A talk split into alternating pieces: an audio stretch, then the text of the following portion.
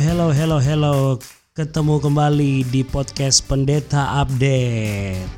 Dan di podcast ini kita akan terus membahas topik-topik seputar gereja, pelayanan, topik-topik teologi dan tentunya menginspirasi dan akan membawa kita semakin serupa gambar Kristus. So welcome. This is the podcast Pendeta Update.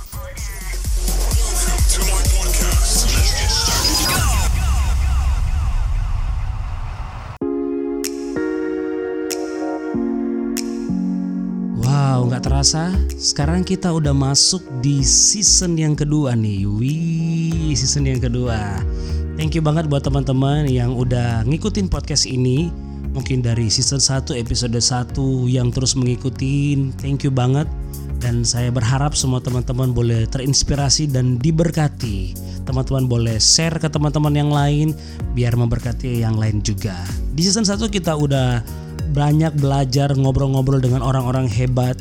Ada hamba Tuhan, ada seorang worship leader, musisi-musisi hebat dari dan di dari luar kota, dari Kalimantan Barat, em, sampai Sulawesi, Jawa, wah luar biasa.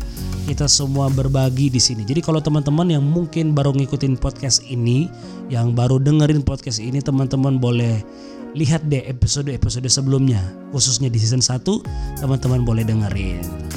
Nah kita sekarang ada di season 2 ini menarik banget nih teman-teman. Karena di season 2 ini kita akan bahas satu topik yang menarik. Saya kasih judul curhatan anak pendeta. Ya ya ya ya ya curhatan anak pendeta. Karena di season ini di episode episode ini kita akan mendengar curhatan-curhatan dari mereka yang terlahir dan dibesarkan oleh keluarga pendeta. Kita pengen tahu drama-drama apa yang mereka alami, suka dukanya seperti apa yang mereka alami. Dan perlu teman-teman ketahui bahwa setiap anak pendeta ketika mereka dididik dan ketika mereka dewasa ada yang tetap melanjutkan pelayanan dari orang tuanya, ada juga yang tetap bekerja dalam dunia sekuler. Masalah nggak sih? Ya nanti kita akan ngobrol-ngobrol deh bersama teman-teman saya yang mereka tentunya sebagai seorang anak pendeta. Anyway, mereka nggak semua yang pendeta, ada juga yang masih kuliah, tetapi mereka semua benar-benar dibesarkan di keluarga pendeta.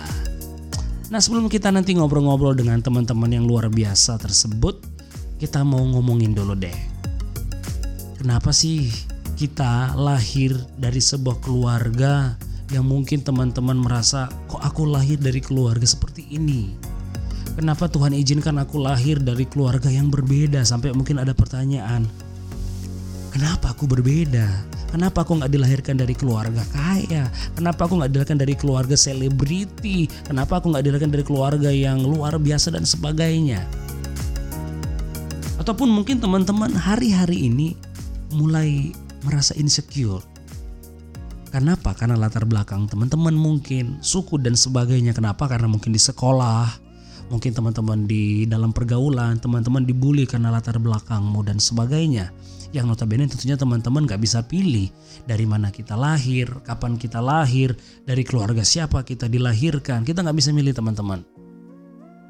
So intinya ketika kita nggak bisa memilih ini, berarti ada andil Tuhan yang besar di dalamnya. Ya, karena kita nggak bisa memilih dari mana kita lahir, di mana kita dilahirkan, kapan kita dilahirkan, berarti ada unsur Tuhan yang penting nih. Nggak peduli teman-teman lahir dari keluarga yang baik-baik sekalipun, nggak peduli teman-teman lahir dari keluarga yang mungkin kata orang keluarga gagal sekalipun, yang satu hal yang teman-teman harus percaya nih, bahwa tidak pernah kebetulan teman-teman lahir di dunia ini. Perhatikan nih, tidak kebetulan engkau lahir dan ada di dunia ini. Terlepas apa kata orang tentangmu, terlepas apa kata orang tentang keluargamu, sekali lagi ingat ini bahwa engkau tidak pernah kebetulan ada di dunia ini. Tuhan bukan iseng izinkan engkau lahir, Tuhan bukan gak sengaja izinkan engkau lahir, Tuhan tetap segala sesuatu ini ada dalam kendali dan kedaulatan Tuhan. Sekali lagi, tetap ada dalam kedaulatan Tuhan. Seperti firman Tuhan pernah ngomong gini nih teman. Kalau teman-teman masih ingat, firman Tuhan itu ngomong begini di Amsal pasal 16 ayat 4a. Amsal 16 ayat 4a. Tuhan membawa Tuhan membuat segala sesuatu untuk tujuannya masing-masing. Perhatikan nih, Tuhan membuat segala sesuatu untuk tujuannya masing-masing. Nah, kita mesti sadar bahwa apa pun yang terjadi, segala sesuatu itu ada maksudnya. Apa pun yang kita alami, itu semuanya ada maksud Tuhan di sana. Nah, yang menariknya ini penting buat kita bahwa kita harus mengerti apa maksud Tuhan ketika kita diciptakan.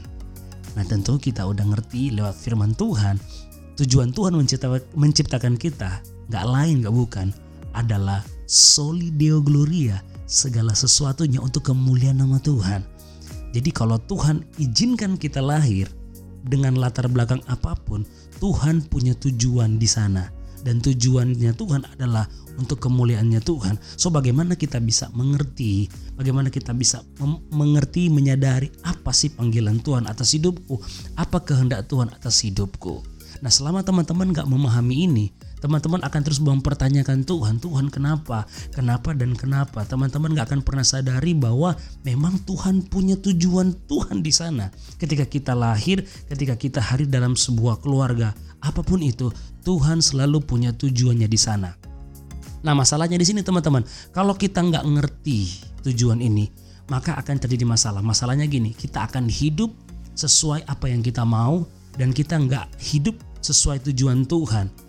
Berarti ada sesuatu yang saya istilahkan terjadi malfungsi di sana. Ibaratnya sebuah handphone yang diciptakan untuk berkomunikasi saking mungkin ada orang yang ngerti maksud handphone tujuan handphone seperti apa atau handphone yang rusak akhirnya dipakai untuk ganjelin pintu mungkin handphone dipakai untuk apa namanya untuk jadi mainan sebagainya lempar-lemparan anak-anak mungkin dan sebagainya itu terjadi kenapa karena nggak mengerti tujuan itu dibuat terjadi malfungsi di sana penyalahgunaan fungsi di sana terjadi penyimpangan fungsi di sana. Kenapa? Karena kita nggak ngerti tujuannya.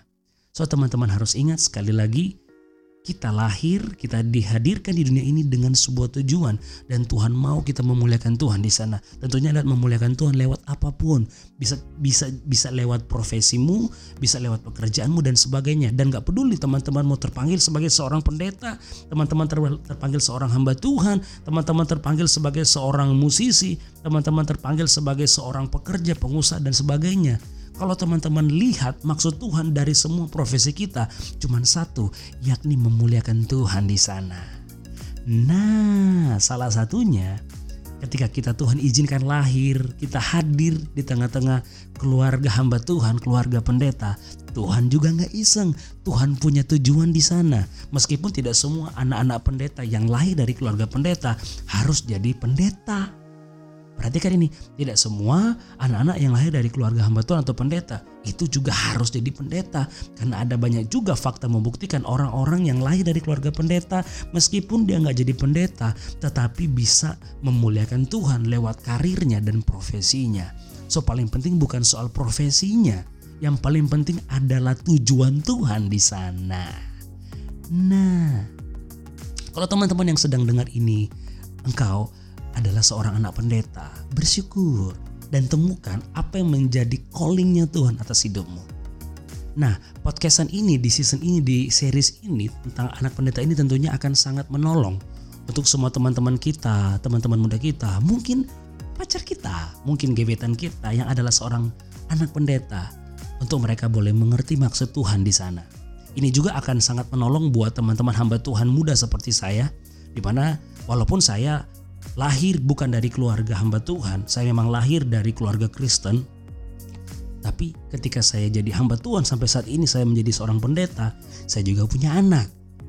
Nah, lewat podcast ini, series ini, saya juga tentunya bukan hanya sekedar ngobrol dengan teman-teman pendeta. Saya juga akan banyak belajar hal untuk diri saya sendiri, untuk bagaimana saya bisa membesarkan anak saya nanti ke depannya sebagai orang anak-anak yang takut akan Tuhan sebagai anak-anak yang mengerti apa maksud Tuhan dia lahir. Nah, lewat podcast ini tentunya akan menolong kita semua.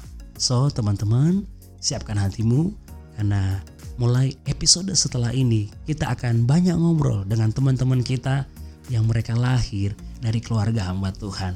Mau tahu ceritanya seperti apa? Tetap stay tune terus, ikutin terus podcastan Pendeta Update ini. Nah, dan buat teman-teman yang mungkin pengen kasih saran, ada tema-tema tertentu, ada apa pembahasan tertentu yang teman-teman pengen bahas, dibahas di podcastan ini, teman-teman boleh teman-teman boleh DM saya di Instagram di @jeffrey_tambingon. Kalau teman-teman sulit teman-teman cari aja hashtag pendeta update. Nah paling banyak situ adalah uh, profil saya teman-teman boleh DM saya.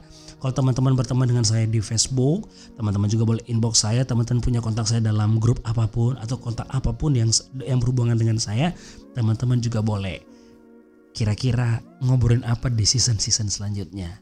Karena masukan teman-teman buat saya tentunya akan membawa podcast ini semakin berkembang dan sekali lagi tujuannya cuma satu. Biarlah podcast ini boleh memuliakan Tuhan. Soli Deo Gloria. So, sekian dulu untuk episode kali ini karena ini adalah episode intro. Episode intro ini mempersiapkan untuk kita masuk di episode selanjutnya dan kita akan ngobrol-ngobrol dengan orang-orang hebat nih. So, tetap setia di podcast Pendeta Update. See you di episode selanjutnya. God bless and ciao.